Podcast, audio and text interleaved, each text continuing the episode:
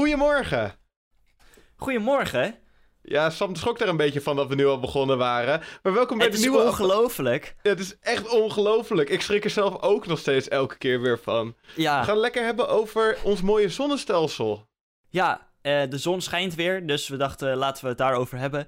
En ehm, laten we ja, wat informatie geven, ja, wat, wat wijzer maken. En eh, ja, dat doen we door verschillende dingen te vertellen over de zon, over eh, wat afstanden, wat eh, dimensies.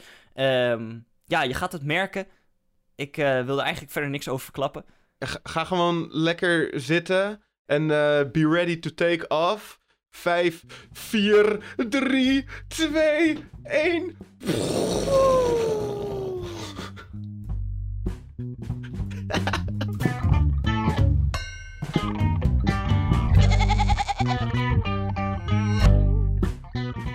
Volgens mij heb je een aantal leuke feitjes voor ons.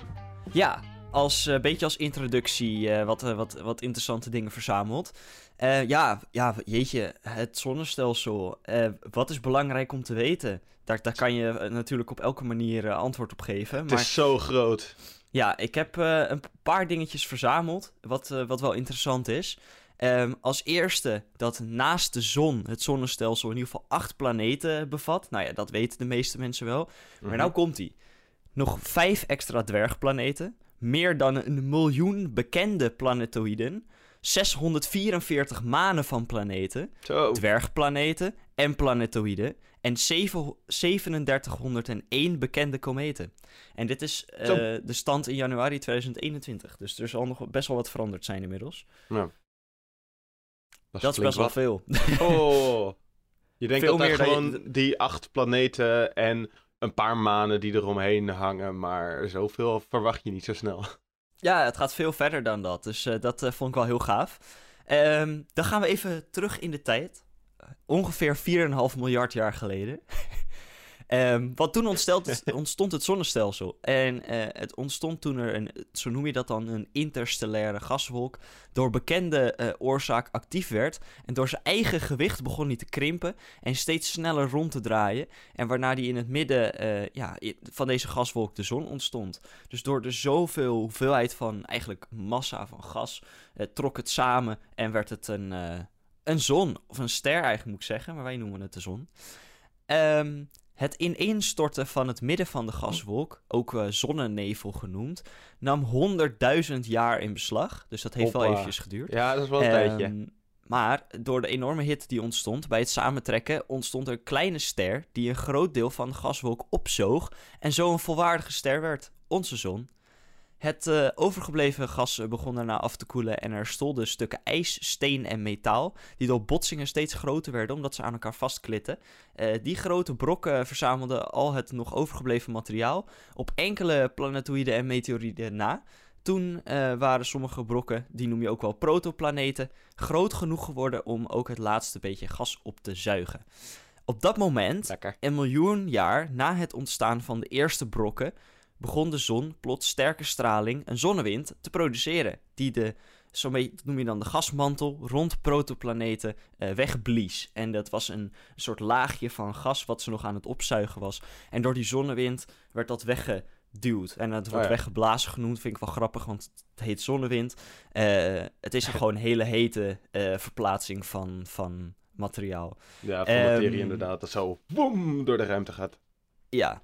Eh, daarna kregen de protoplaneten langzaam een stabiele baan rond de zon. En de planeten en manen werden gevormd door laatste grote botsingen tussen protoplaneten. En de meeste eh, kraters die je nu ziet op planeten in het zonnestelsel komen ook van die laatste botsingen. Oké. Eh, traditioneel, eh, tot 2006, werd eh, tot het zonnestelsel 9 planeten gerekend. De planeten Mercurius, Venus, Mars, Jupiter en Saturnus zijn bekend sinds de oudheid, omdat ze best wel groot zijn. En Mhm. Mercurius en Venus staan heel dichtbij. Na de uitvinding van de telescoop werden Uranus in 1781, Neptunus in 1846 en Pluto in 1930 ontdekt. Nou, is mijn vraag aan jou, Jeroen. Ja. Weet jij de volgorde van de planeten vanaf de zon? Oké, ja, ik denk het wel. Ehm sh- ga ik nu al verkeerd beginnen? Ja, het is best lastiger dan je denkt eigenlijk. Venus? Nee. Oh, dan is Mercurius dus eerst, daarna Ja. Venus, Daarna aarde, Mars.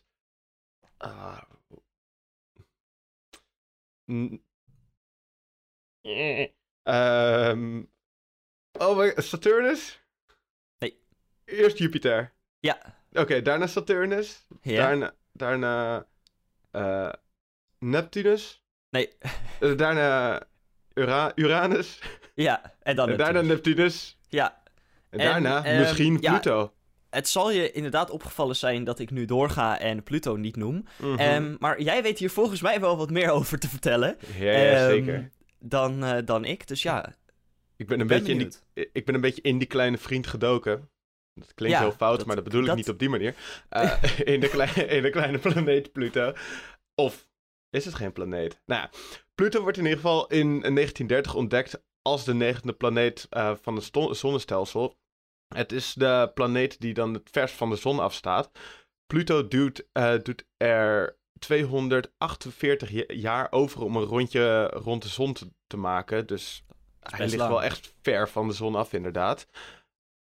Dat is eigenlijk ook, je dat bedenken als... Dat, het is ongeveer 250 keer zo ver als aarde, bedenk ik me. volgens mij eh, in verband met eh, dingen met pi en, en, en cirkelberekening en hoe snel de planeet gaat, gaat het op iets andere manier. Maar Oh ja, ja, ja, precies. De snelheid van de planeet is daarin best wel redelijk belangrijk. Oké, maar ja, eh, de, de baan van Pluto die is wel wat meer langwerpig dan de baan die de aarde om de zon draait. En gaat daardoor ook dwars door de baan van Neptunus heen. Waardoor Pluto op zo'n moment dichter bij de zon staat dan Neptunus zelf. Dus ze crossen elkaar. Ik zat al gelijk in mijn hoofd van, oké, die twee gaan ooit elkaar op een dag raken. Maar dat is, eh, dat is een probleem voor in de toekomst. ja. Eh, maar dat, dat, je, dat hij op sommige momenten dichter bij de zon staat, dat is al niet echt heel erg normaal voor een planeet. En Pluto is klein. Pluto, Pluto is vijf keer zo klein als de aarde. Eh, sorry. Ja, vijf keer zo klein als de aarde. En ik denk dat ik hier iets heb omgedraaid. Want er staat hier en anderhalf keer zo klein als onze maan. Maar dan betekent zou Oh nee, dat Nou, kan wel. Oh, ik, mijn brein ging echt zo van, hè, maar dat zou betekenen dat de maan groter is dan de aarde. en dit, dit is dus wat je krijgt in de ochtend. Wanneer je lekker in de ochtend op gaat nemen, dan gaat je brein Heerlijk. alle kanten op. Maar oké, dus dus vijf keer zo klein als de aarde en anderhalf keer zo klein als de maan. Eh, na de ontdekking van Pluto blijkt dat er ver van de, van de zon nog veel meer van dit soort objecten te vinden zijn. Dus ook klein, eh, kleinere ja, planeten eigenlijk. Pluto is dan ook ineens niet meer zo bijzonder. Daarom hebben sterrenkundigen op een gegeven moment een besluit genomen. En vonden ze dat eh, Pluto te klein was om echt een planeet genoemd te worden. Hij, Arme Pluto. ja, arme Pluto inderdaad. Hij voldoet niet aan de voorwaarden die ze dan stellen. Eh, op een, een of andere gekke manier is grootte geen voorwaarde van, eh, van planeten. Want in een persconferentie van 2006 van de Internationale Astronomische Unie besloten wetensch- wetenschappers een lijstje met eisen op te stellen waaraan planeten moeten voldoen. En de voorwaarden zijn eigenlijk eh, de volgende drie. Dat is een planeet moet rond de, een ster draaien. Pluto doet dat. Een planeet moet bolvormig zijn. Pluto doet dat ook. En een planeet moet, eh, moet zijn omgeving schoongeveegd hebben van klein puin. En dat is waar het niet goed gaat met Pluto. Want er ligt enorm veel puin in de weg van Pluto. En eh, ja, dit, is, dit maakt Pluto geen planeet. Maar het gekke hieraan is dat eh, Jupiter heeft dat ook niet. Jupiter gaat ook door een gordel heen. Maar niemand zit zo van, ja, eigenlijk is Jupiter geen planeet. Want dat is voor ons gewoon geen planeet. Dus het is eigenlijk niet helemaal eerlijk en valide dat Pluto geen planeet is. En hierdoor gaat eens in zoveel tijd komt er weer discussie over. Maar Pluto is voor nu dus officieel geen planeet, maar een dwergplaneet. Eh, dat is ook een prima status wat mij betreft. Maar Sam, wat vind jij ervan eh, van, deze, van deze discussie? En hoe denk je dat dit opgelost zou moeten worden? Want nu is het nog allemaal heel erg vaag. Maar ik vind dat ze eigenlijk wel een goede weg hebben gekozen. Want je, wat ze zeggen inderdaad over dat er weinig puin in de baan moet zitten, lijkt me niet meer dan logisch. Want Nee, tuurlijk. als er heel veel puin in zit, dan eh, draai je zes keer om de zon. En dat, dat is heel lang voor Pluto. Maar even in perspectief is dat heel weinig. Yep. En dan eh, ben je eigenlijk al aan flarden omdat je van alles tegen bent gekomen. En dat, dat, ja, dat werkt natuurlijk niet. Dan kan je niet een planeet zijn in de grote schaal van het universum. Dus Eh, ja, ik, ik vind het eigenlijk wel een redelijk, eh, redelijk ijzerblad. En ja, maar eh, als je kijkt ja. dat, dat, dat Jupiter... Jupiter gaat ook door een gordel heen. Met allemaal ruimtepuin. Eh, Ja, maar die is dan wel... Jupiter is volgens mij een gasgigant, als je dat zo in het Nederlands noemt. Ja, Maar het, het, hij valt wel onder de planeten. Ja, Ik zou zeggen, als, als ik het zou moeten oplossen, dan zou ik eerder gaan kijken naar de, de massa van iets. Om dan een soort van minimale massa-eis te stellen. Of een minimale grootte eis of iets dergelijks. ja, maar ook dat werkt niet. Ja, want dan heb je je hebt met heel veel verschillende soorten massa te maken in, in de ruimte. Nee, je hebt één massa, maar sommige dingen kunnen gewoon een hele grote dichtheid hebben. Ja, kijk, het is een gasreus, dus hij heeft niet echt een vast eh, ja, oppervlak, zeg maar. Dus het is een heel anders, andere samenstelling. En Pluto is eigenlijk gewoon een, Een brok. ja, een beetje een brok in dat opzicht. Ja, dus dat, dat heeft veel minder... eh, ja, het, het, het lijkt ook niet eens eigenlijk op een planeet. Daar in, Nee. dat, in die zin. Nee, het is, het is kle- kleiner dan onze maan. Ja, Dat, dat, dat slaat helemaal nergens op. nee. Ik vind het in ieder geval een interessante discussie. En ik denk dat wij het door ons leven nog vaker gaan horen van... Oh, is het nou wel een planeet of is het nou geen planeet? Ik vind het inderdaad ook niet. Ik vind gewoon de acht die we hebben helemaal prima. Maar ja, er zijn mensen die heel erg denken aan de, aan de emoties van Pluto, denk ik. Ja, snap ik, snap ik. Maar het heeft misschien ook wel een beetje te maken met iedereen's eh, eh, eh, voorliefde voor de hond. Ja, dat is waar. Iedereen denkt gelijk aan de hond Pluto. En gewoon alleen omdat het dezelfde naam heeft. En iedereen houdt gewoon van Pluto. Ja. Ik hou Nou, ook van Pluto. heb ik dus eh, iets eh, heel raars gelezen gisteren. En het is wel een leuke toevoeging. Want je zei dat eh, Pluto een beetje in een, in een soort ellips om de zon gaat. En niet echt in een cirkel. Klopt. Ehm, ik, ik weet niet de precieze cijfers. Maar ik weet dat in 2017 ehm, zijn er volgens twee personen een bepaalde eh, ehm, ja, theorie is daar naar voren gekomen. Mhm. Eh, en dat er een, een, nog een daadwerkelijk negende planeet is. En dat we die nog niet hebben gezien of hebben ontdekt, als het ware. En dat die in de, rond de asteroïdengordel eh, eh, zweeft. En dat die ervoor zorgt dat er meerdere objecten in die gordel van hun baan worden getrokken. En van hun baan rond de zon. En ja, misschien is dat bij Pluto ook wel het geval. Ja, Ja, ze hadden die toen inderdaad ontdekt, maar die was zo ongelooflijk ver weg. Ja. Dat, eh, ik zag zo'n, volgens mij was dat een video van Mark Rober, de YouTuber. Die eh, ging een beetje op de schaal kijken eh, hoe, ver weg, hoe ver weg die zat. En dan begin je met de binnenste ring van het zonnestelsel. En dat zat allemaal, zat allemaal wel redelijk dicht bij de zon. En ging je verder naar buiten. eh, en het gaat steeds verder van elkaar afstaan. En toen die laatste planeet was echt mokerver. Ja, absoluut. Kijk, en het, het is ook wel zo dat. ehm, ja, ik weet niet precies hoe ver die, eh, die zou staan. Maar als we het even over Neptunus hebben. Die staat het verste van de zon van de planeten zoals we het nu zien in het Mhm. zonnestelsel.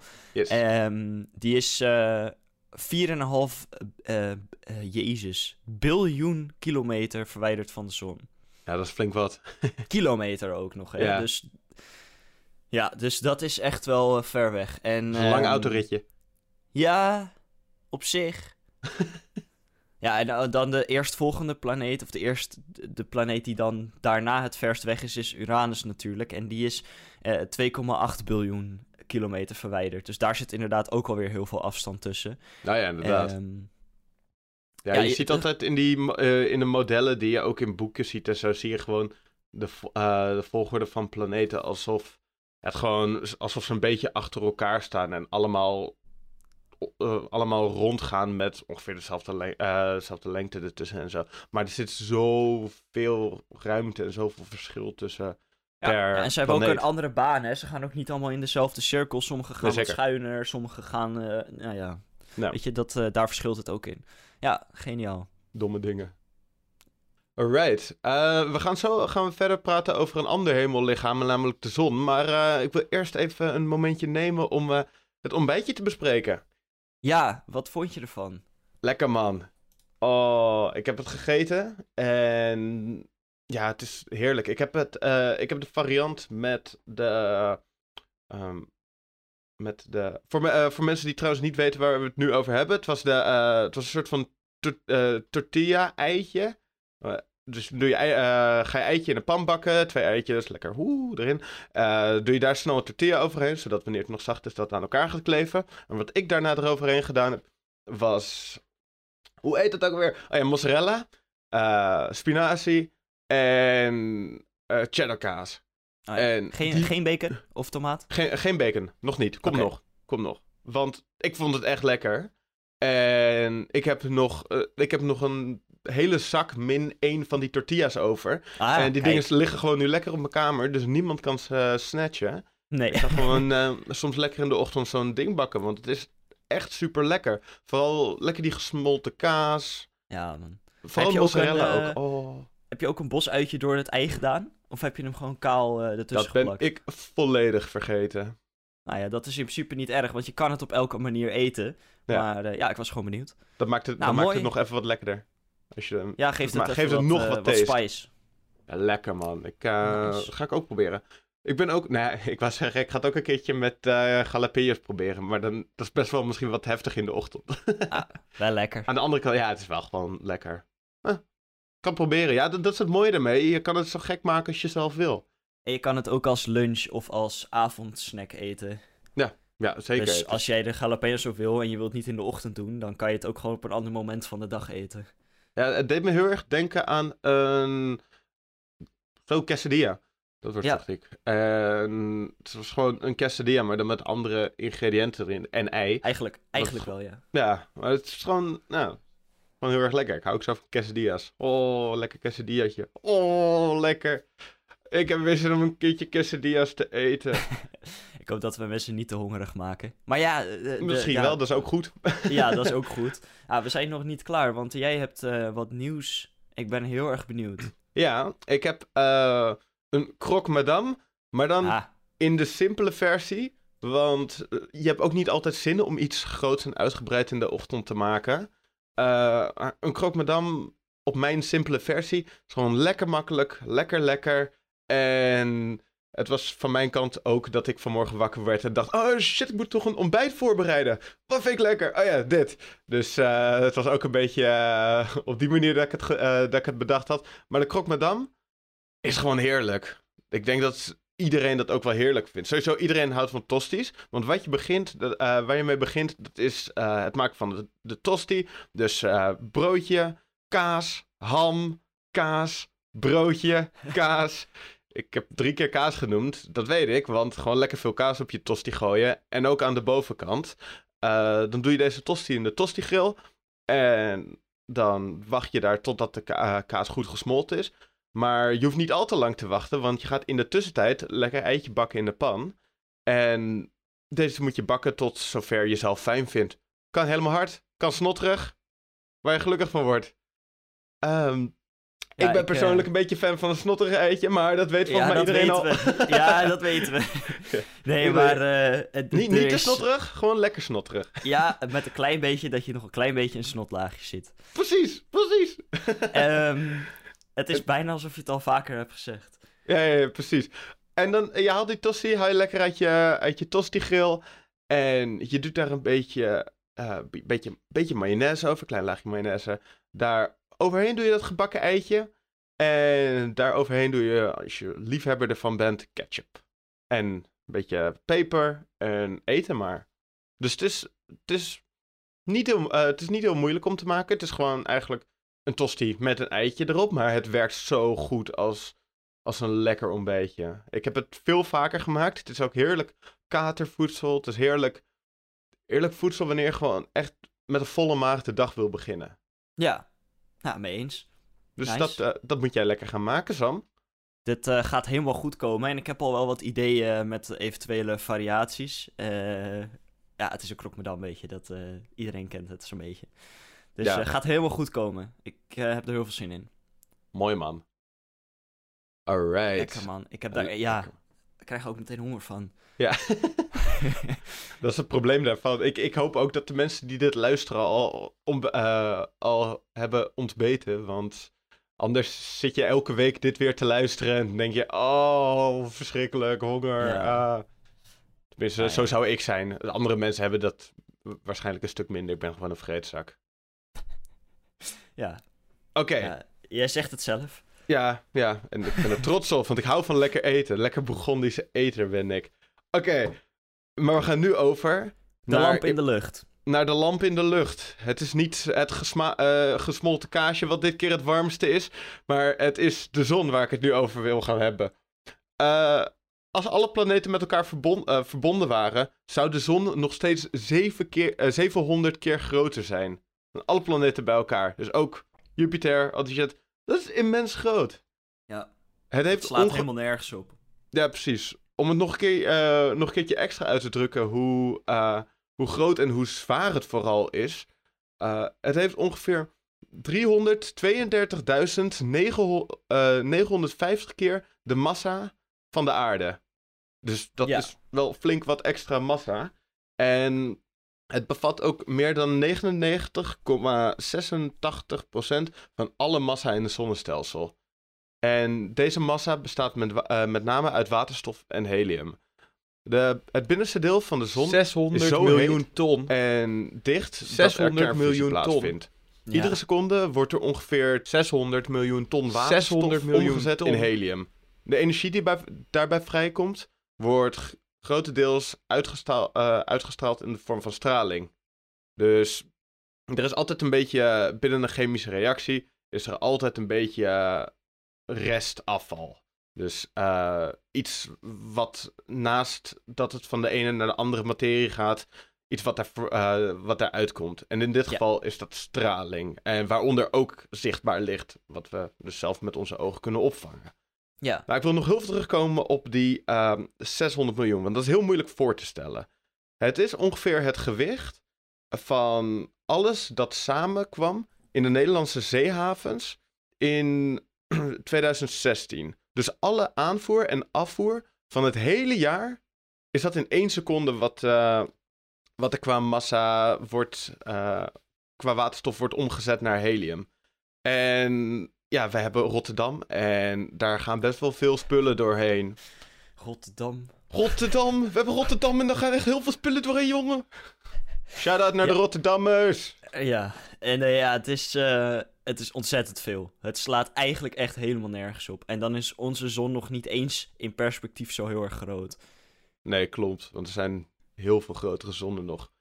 Maar door de energie die er vrijkomt eh, bij de kernfusie, dat wordt dus grotendeels eh, uitgestraald in de vorm van straling, waaronder dus zichtbaar licht en UV-straling.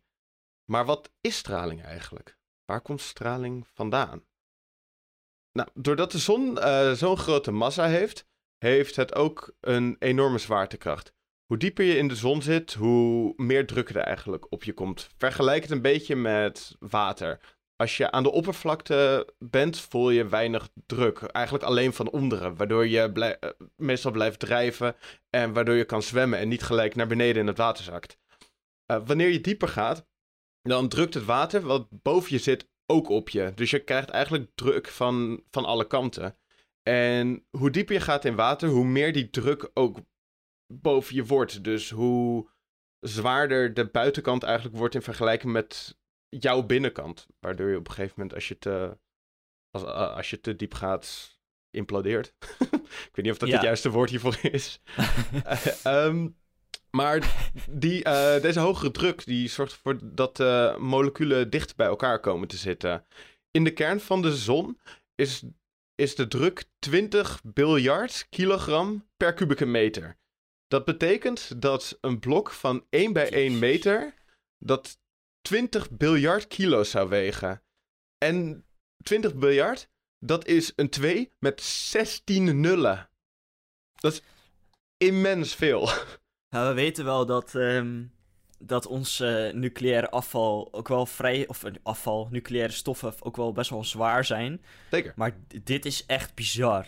En Insane. Het is alsnog, als je zegt 16 nullen, oké, ja, dat is veel, maar het is bijna niet te, te omvatten hoeveel dat is eigenlijk. Dat is, nee, is- precies. is echt bizar. En door- doordat die druk daar ook zo hoog is, is het ook super heet. Want daar komt vet veel warmte vanaf. Dus daarom is het ook 15 miljoen graden Celsius hierin. En door deze. warm. Ja, dat is best wel pittig warm. Dat is, eh, als je sauna daarop zet, dan, eh, dan word je daar niet te blij van. Zou interessant zijn als je een sauna hebt die dat aan kan. Maar ehm, door deze warmte en door deze dichtheid eh, vind er, vinden er fusiereacties plaats. Waarin waterstofkernen, dat protonen zijn, uiteindelijk worden omgezet naar helium, eh, heliumkernen, wat alpha-deeltjes zijn. En deze chemische reactie laat dan ook gammastraling, dus dat zijn fotonen, die worden eigenlijk uit die protonen geketst. En, ja, en de, eh, dat wordt vrijgelaten en er komen ook neutrino's. Neutrino's vrij. Ik heb verder niet veel onderzoek daarin gedaan wat, dat, wat die neutrino's precies zijn. Weet jij het dat? is best ingewikkeld. Ik weet het niet precies, dus ik ga er ook geen poging doen om het uit te leggen. Ik heb wel scheikunde gehad, maar dit is wel, gaat wel verder. Eh, Ja, precies. Dit is best wel ingewikkeld. Dus Yes. Als je, als je het wil opzoeken, doe het lekker zelf. Ja. De- eh, deze st- eh, straling heeft in het binnenste van de zon een zeer beperkte rijkwijde. En steeds weer worden de fotonen geabsorbeerd en opnieuw uitgezonden als fotonen met een iets lagere energie. Dus dat gaat eigenlijk van het ene deeltje de hele tijd naar het andere deeltje. En omdat de dichtheid zo, omdat de moleculen zo dicht op elkaar staan, eh, is het heel moeilijk om daar een weg doorheen te banen om uiteindelijk naar buiten te gaan. En naar schatting variëren, eh, schattingen variëren van 10.000 tot 170.000 jaar voordat iets, eh, voordat een fotoon eindelijk bevrijd is uit de zon. Dus dat is ook flink wat tijd wat daar overheen gaat voordat het echt naar buiten is. Ja. Een hoog energie. eh, dit woord. Hoog energie. en- Hè? Ener.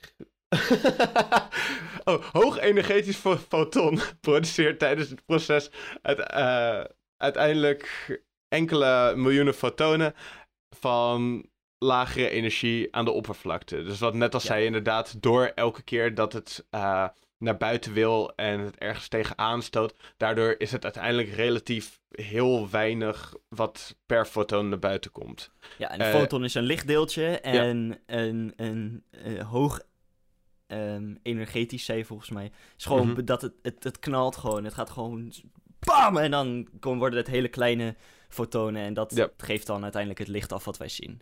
Ja, en va- vanuit één zo'n eh, zo'n foton komen er uiteindelijk miljoen, miljoenen kleine fotonen. Van eh, veel lagere energie naar buiten.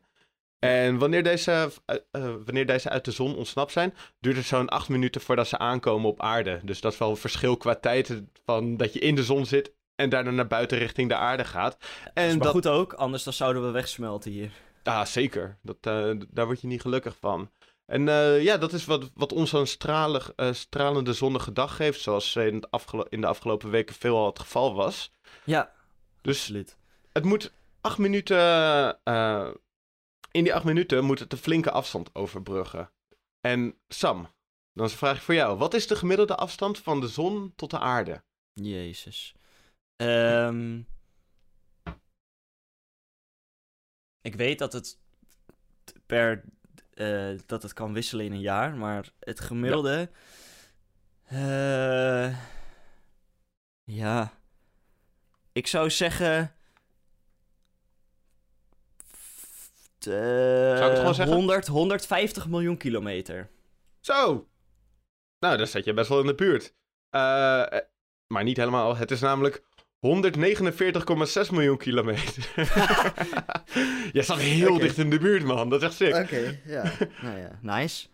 En eh, zoals ik al eerder heb gedaan, vind ik het heel erg leuk om dingen in perspectief te, eh, te zetten. Dus stel je zou naar de zon lopen met een gemiddelde, af- eh, gemiddelde snelheid van 5 km per uur en geen Dat is de- pauzes. Dat is de gemiddelde wandelsnelheid. Ja, precies. Voor de, voor de duidelijkheid.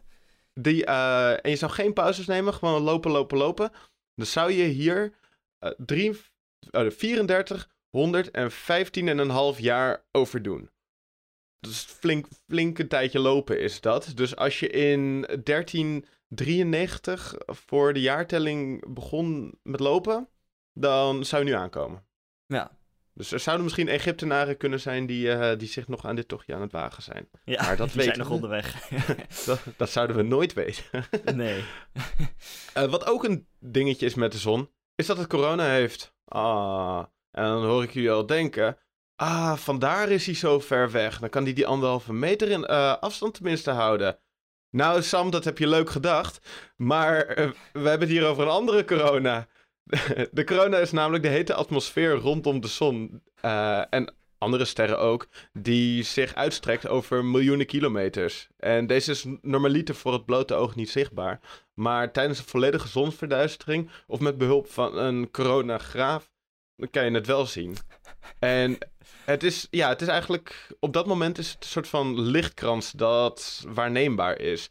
En daarom zorgt het voor een zons, eh, tijdens de zonsverduistering ook vaak voor een heel mooi effect. Heb jij dat ooit gezien, Sam? Ja, zeker. Eh, dat ziet er ontzettend gaaf uit. Ja, dat is dus die, eh, die kring die je dus dan, in dat geval om de maan, want de maan gaat voor de zon, die je daar omheen ziet, dat is dus die corona. Ja, ja ik zeg vaak, hey, een halo, maar dat is het Engelse woord. Ja. Ehm, In Nederland is het gewoon ja. heerlijk corona.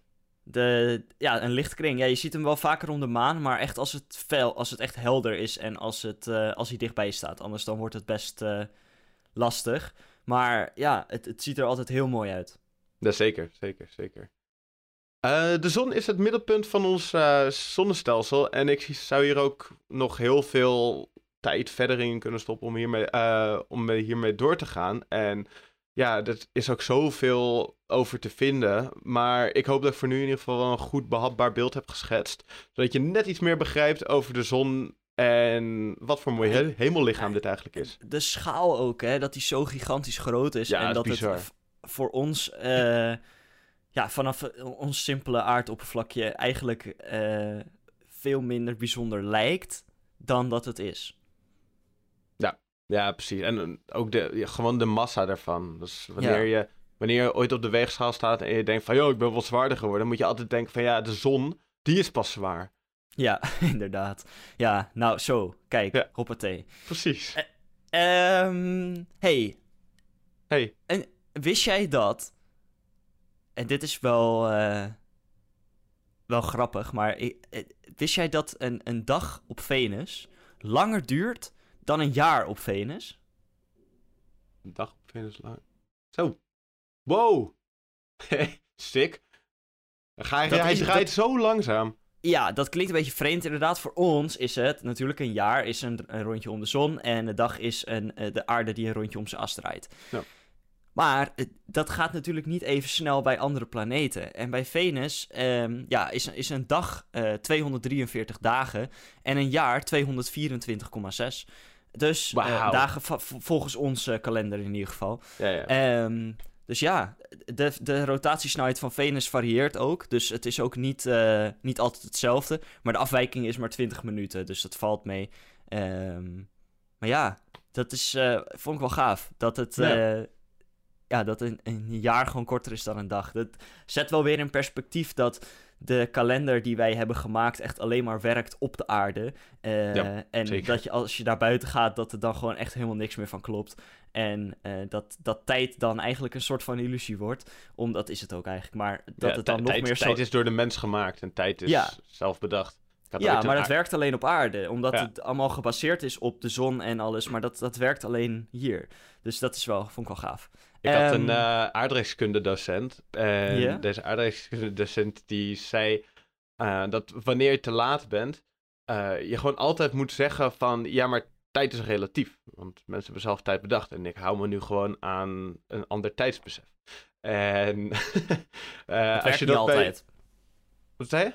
Dat werkt niet altijd. Niet bij iedere Nee, docent. sommige docenten vinden dat dus minder leuk. Dus Ja. eh, je, moet het ook, je moet het ook niet te veel gaan proberen. Maar ik vond het wel ja, een leuke manier om naar, eh, om naar tijd te kijken. Alleen Ja. mensen worden er heel zagrijnig van. En wanneer je afspraken maakt, is het gewoon chill als je er wel aan houdt. Nou, en wat ik vooral eigenlijk in dit hele verhaal grappig vind, is dat die aardrijkskunde de docent dit vertelt aan, aan leerlingen. En ondertussen dit waarschijnlijk constant terugkomt bij andere docenten... die dan weer naar die aardrijkskunde docent gaan... van hou nou eens op, man. Ja,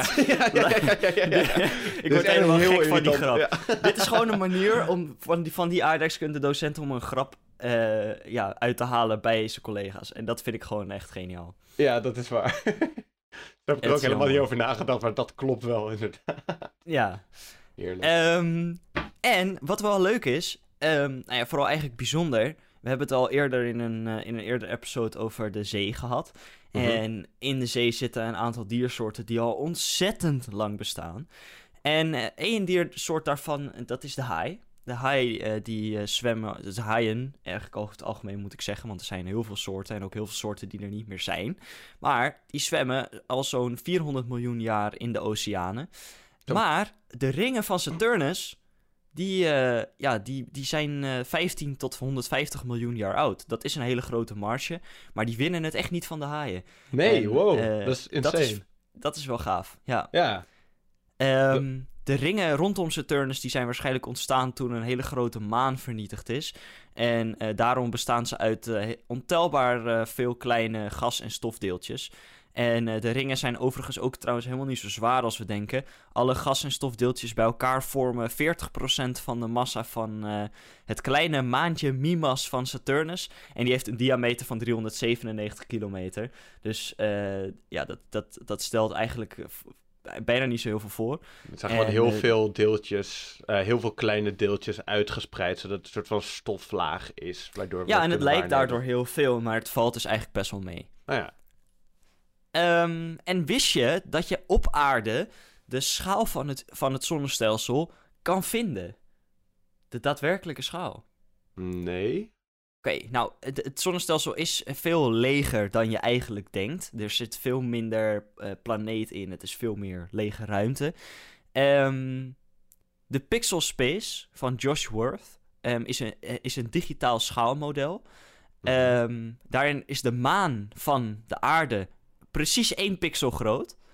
Ehm, en je kan eh, ja, horizontaal scrollen om te zien hoe groot de afstanden zijn tussen de verschillende eh, planeten. Het is een digitale eh, ja, omgeving. En je kan daarin dus heel mooi de schaal zien. Het heet Pixel Space en het is ontzettend gaaf. Dus ik kan iedereen dat in ieder geval aanraden om te doen. Maar dat is niet per se waar ik op doel. Ehm, ik doel eigenlijk op, op Zweden. Want in Zweden heb je 's werelds grootste schaalmodel van het zonnestelsel. Dope. De schaal is 1 op 20 miljoen. Eh, de zon is het grootste object, uiteraard. En dat is de Avicii Arena in Stockholm. De arena is een bol en is eh, eh, op schaal de zon. Wow. Diameter van 110 meter en het grootste bolvormige gebouw ter wereld. Ehm, en daar begint het. En dan gaat het steeds verder en verder door Zweden heen. En dan heb je Neptunus, eh, waarvan de diameter dan 2,5 meter is. Eh, die is te vinden bij de rivier eh, in Soderhamn. Op een afstand van 229 kilometer van, van de Avicii Arena. Geniaal. Die ook wel de Globe wordt genoemd. Ja. Dan heb je de dwergplaneet Setna. Setna is een dwergplaneet die in een ellips om ons zonnestelsel heen gaat. En, maar in een heel klein hoekje van de ellips eigenlijk in de buurt komt van het zonnestelsel. Voor de rest eh, is, eh, is de planeet echt ver weg. Ehm, maar die zit eh, 912 kilometer verwijderd van de globe. En die is te vinden in het stadje Lulea. Ehm, ontzettend gaaf. Heel echt dope. Fantastisch dat dit is gedaan Ja. en- als je dus ooit in Zweden bent en je komt een, op een random plek ineens een bol tegen, zoek het even op, want het kan zijn dat het een van onze planeten eh, eh, is en dan eh, ja, op schaal. Maar al die, al die gebouwen verder, dat zijn, zijn dus bollen. Ja, het zijn allemaal bollen en sommige zijn maar een cool, kleine glazen bol ter grootte van, nou ja, van ongeveer een, een, een basketbal, zeg maar. En sommige die zijn een volledig stadion, omdat het op schaal is. Wat dope. Ja, Wow, dat vind ik heel vet. Dit I is like. echt ontzettend gaaf. En ehm, ja, het bijzondere vind ik hierin ook toch wel dat eh, de zon de Avicii Arena is. En dat het, eh, ja, Avicii is natuurlijk overleden artiest. En eh, Mhm. ja, bijzonder dat hij daarin het centrum van, van dit kunstwerk is. Ja, zeker. Mooi. Heel man. gaaf. Heel gaaf. ga je naar Zweden, de- houd het in je achterhoofd, want ja, dat. Ehm, en wist jij. Nee, ik ga het anders, anders vragen. Spannend. Er zit ruimte tussen de aarde en de maan. Ja. Logisch. Maar. Ja. Welke planeten passen tussen die ruimte van ons zonnestelsel? Oh. oh. Of hoeveel? Laat ik, dat, laat ik dat vragen. Dat is misschien makkelijker. Hoeveel? Ehm, Misschien is het leuk om hard op te denken. Ehm Mercurius sowieso. Venus. Eh, eh, wordt een twijfelgevalletje. Ehm ik denk ook wel... eh oh nee, wacht, het is ook wel groot. Ik de- denk drie of vier. Oké. ehm, nou, het, allemaal passen ze ertussen. Ehm, voor de, Alle- voor de Alle planeten. alle planeten passen ertussen. Ook, ook Juist Jupiter. Ook Jupiter. Ah, vandaar, Pleurt op, joh, gek. va- vandaar dat ik eh, eh, de vraag stel, want het is anders dan je verwacht. Wow. Ehm, de gemiddelde afstand van de aarde naar de, naar de maan is ongeveer 385.000 kilometer. Jupiter heeft een diameter van iets minder dan 140.000 kilometer. Dus ja, alle planeten van ons zonnestelsel passen tussen de aarde en de maan. Ehm, ja, en het is bijzonder dat je eigenlijk zelfs alle planeten achter elkaar kan zetten. Naast de Mhm. aarde uiteraard. En dan past het alsnog, want bij elkaar is- zijn alle diameters van de planeten 383.000 kilometer. En omdat de afstand 385.000 kilometer is, hou je zo'n 2000 kilometer over en past het er allemaal tussen. Dus niet alleen de planeten op zichzelf, maar allemaal achter elkaar ook.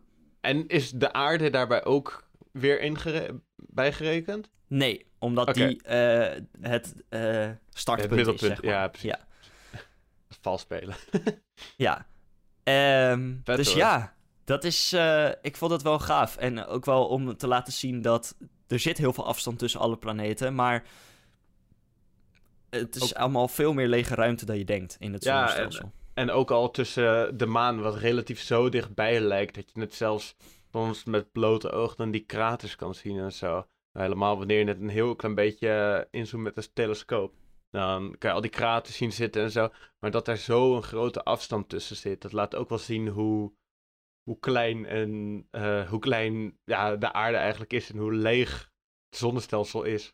Ja, absoluut. Dat is wel vet. Ehm, Oh. Wat ik ook wel. Kijk, ben je bekend met de, eh, de gassen, in ieder geval op aarde, de gassen methaan en ethaan? Jazeker.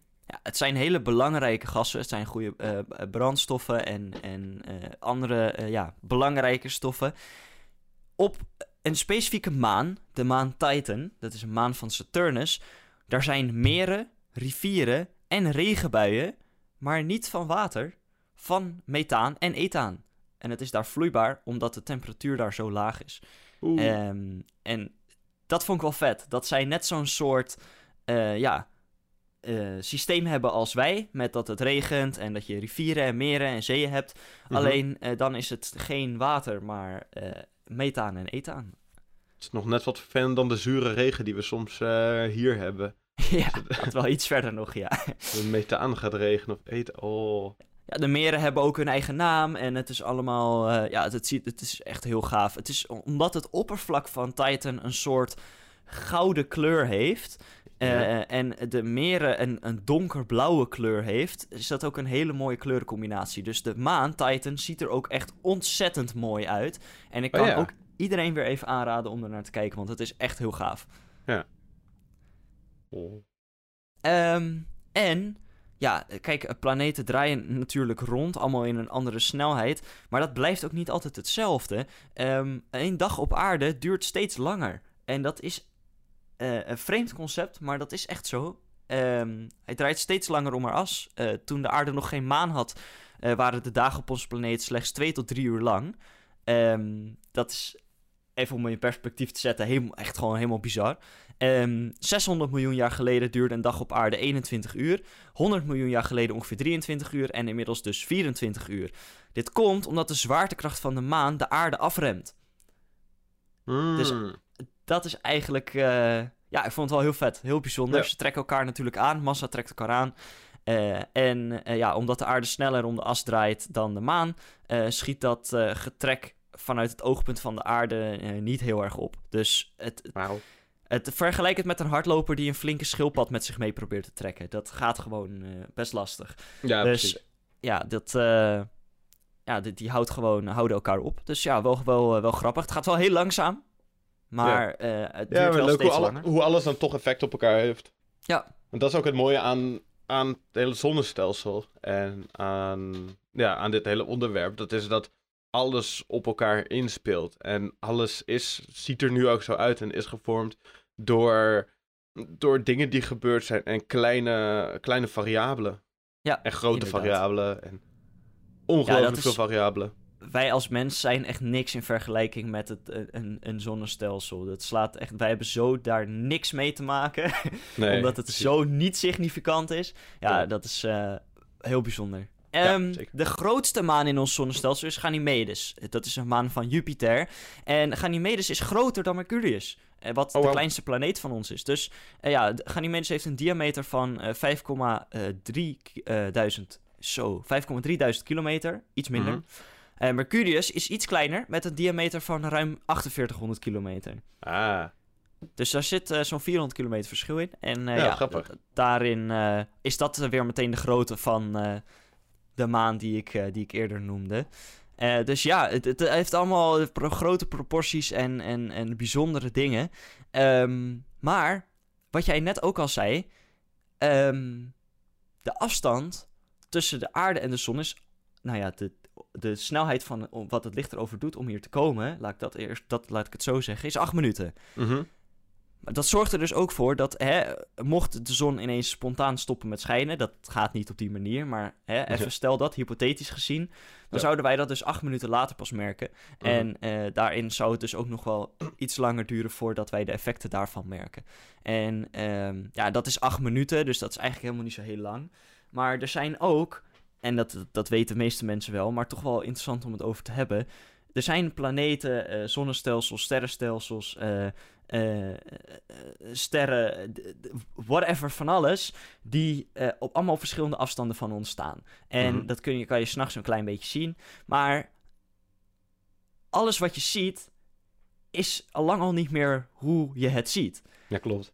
Eh, sommige sterren zullen eh, eh, misschien al honderden duizenden, misschien zelfs miljoenen jaren al niet meer bestaan. Maar omdat het licht er zo lang over doet om hier te komen, zien wij dat nog niet. Dus als wij een ster dood zien gaan, om het zo maar te zeggen, dan, ja, dan is dat al lang al gebeurd. Alleen wij zien het effect daarvan pas veel later. En dat dat wisselt per eh, planeet, ster eh, en noem het maar op. Wanneer dat is, uiteraard. Want niet alles staat op dezelfde afstand. Maar ja, ik vind dat wel een heel gaaf concept. Dat als je iets ziet, dat je eigenlijk in de geschiedenis kijkt. En, Ja, dat is bizar. eh, je kijkt eigenlijk terug in de tijd. Maar dat is eigenlijk, als je, als je echt op heel precies niveau kijkt, is dat alles wat je om je heen ziet en om je heen waarneemt, dan is dat even naast inderdaad alle sterren en alles in het zonnestelsel en zo. Sowieso Uiteraard. alles wat je, wat je ziet is gebeurt net iets eerder dan dat je het eh, opvangt en dat je hersenen het binnenkrijgen. Dus dat is sowieso altijd wel een beetje bizar hoe je eigenlijk altijd in de geschiedenis kijkt. Maar in het geval van, wat je zegt, die zonnes, eh, zonnestelsel en ook helemaal inderdaad andere sterren, dat, is- daar gaat echt een bizar lange tijd overheen. Maar dan kijk je ook weer naar, ja, wat, wat is tijd en ja, Ja. nou, Ja, kijk, wat wij op, op aarde om ons heen zien, dat is eigenlijk te verwaarlozen. Want dat is zo dichtbij, dat kan veel makkelijker. Ja. Dat, eh, ja, dat, dat, zie, dat zie je zo ontzettend snel. En, en, en dat, is eigenlijk, dat is eigenlijk bijna niet significant. Maar het is wel zo. Je hebt wel gelijk. Eh, licht eh, heeft tijd nodig om te reizen. En of dat nou eh, eh, ja, zo kleine tijd is dat we het eigenlijk bijna niet eens kunnen meten. Dat maakt niet uit. Het heeft Ja. tijd nodig. En het is dus iets later. Dat klopt. Daarom, maar het gaat wel veel sneller dan geluid. En dat is waarom ze ook vaak bij, eh, ja, bij races en dat soort dingen zowel iets zichtbaars als iets hoorbaars gebruiken. Eh, Ja. zodat, omdat het, het licht eerder aankomt dan het geluid. Dus als jij zegt go, dan komt dat veel later aan dan wanneer jij bijvoorbeeld je arm omhoog doet. En ja, Ja. dat, eh, ja, er is op een gegeven moment dat is is wel ook grappig. Er is een onderzoek gedaan naar, eh, naar iets als de Olympische Spelen of eh, renwedstrijden over... Dan heb je een schot van een geweer in de lucht. En of dat... eh, in hoeverre dat invloed kan uitoefenen op het resultaat. Ehm, want het is... Ja, de snelheid van het geluid, dat is... dat is een ding. En dat is langzamer dan, dan licht zelf is.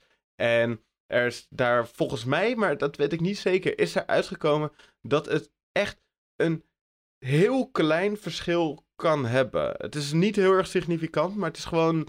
Het heeft wel degelijk heeft het invloed op.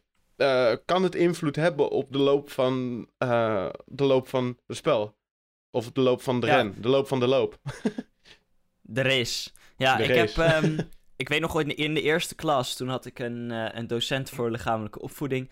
En eh, die deed ook bij de 100 meter sprint, zei die dit, vertelde die dit verhaal. ehm, bijna precies zoals je net vertelde, dus dat vind ik al grappig. En Ja. hij zei ook van, ehm, daarom bij 100 meter sprint, ah, ik sta bij de finishlijn, want ik moet kunnen timen wanneer je aankomt. Maar ik doe het met, zowel met geluid als met mijn hand, want eh, dat geluid komt omdat het 100 meter is, verder later aan dan wanneer ik mijn hand omlaag of omhoog doe. Ja. Ehm, en ja, dat vond ik wel grappig dat we natuurkunde-les kregen bij, eh, bij gym. Was wel Ja, leuk. precies. Dat is een, eh een LO-docent eh, die er goed over na heeft gedacht. Een gymdocent die er goed over na heeft Absoluut, ja. ja. Ehm, dan het laatste wat ik ga vertellen. Ehm, om iets aards te vergelijken met iets uit de ruimte. De Grand Canyon, best groot op zich. gedacht. Ja, best, ge- be- Ja. best wel groot. Dat is best pittig groot. Ja. Daarom heet het ook de Grand Canyon. Niet Nou. de Small Canyon. Nee, precies. Maar de Grand Canyon is eigenlijk helemaal niets te vergelijken met de kloof op de maan Charon eh, van Pluto. Ook wel grappig, die heeft dus wel een maan. Ehm, Ja, ja. Ook weer om eh, to- iets toe te voegen aan de discussie van is het wel of niet een planeet. Ehm, het complete eh klovensysteem op Charon is meer dan 1600 kilometer lang. Non de. En op, op sommige plekken twee keer zo diep als de Grand Canyon op aarde. Eh, dit litteken is eh, heel duidelijk te zien eh, vanaf de ruimte. Ruimtesonde New Horizons heeft een prachtige foto gemaakt van Charon... waarop het enorme kloofsysteem van de maan goed zichtbaar is. Kan je inderdaad ook opzoeken. Dat gaat echt als een litteken letterlijk door de maan heen. Ja, Heel het is echt een scar die je gewoon doorheen rost. Ja. Vet. 1600 kilometer lang en twee keer zo diep als de Grand Canyon. Dat is groot en lang en diep. Dat is echt bizar. Ja, en vooral, vooral omdat, omdat Pluto vijf keer kleiner is, dan is dat helemaal voor, voor Pluto-proporties, zeg maar, is dat moeilijk groot. Ja, Hoe komt hij daar, weet jij Eh, dat? ja brokstukken. Ja, gewoon inslagen inderdaad. En Ja. het feit dat, eh, dat er cracky lekkies zitten. Eh, Kijk, eh, de, je kan natuurlijk. eh, ja, je kan zeggen van het is een klimaat geweest, maar vaak kleine manen en, en dwergplaneten hebben dat, hebben dat niet echt. Of hebben dat niet echt gehad. Omdat ze niet genoeg massa hebben om een hele ja, atmosfeer en alles te maken. Dus ehm, ja, er zal, niet, eh, er zal geen leven op zijn geweest of zo. Er zal geen oorlog op de maan zijn geweest waarbij er een Ja. of andere, ja, weet ik veel, de kloof in is gebracht. Het is gewoon door een, door een botsing waarschijnlijk. Of door een, een komeet die bijvoorbeeld door de planeet heen, of door de maan heen heeft gerost.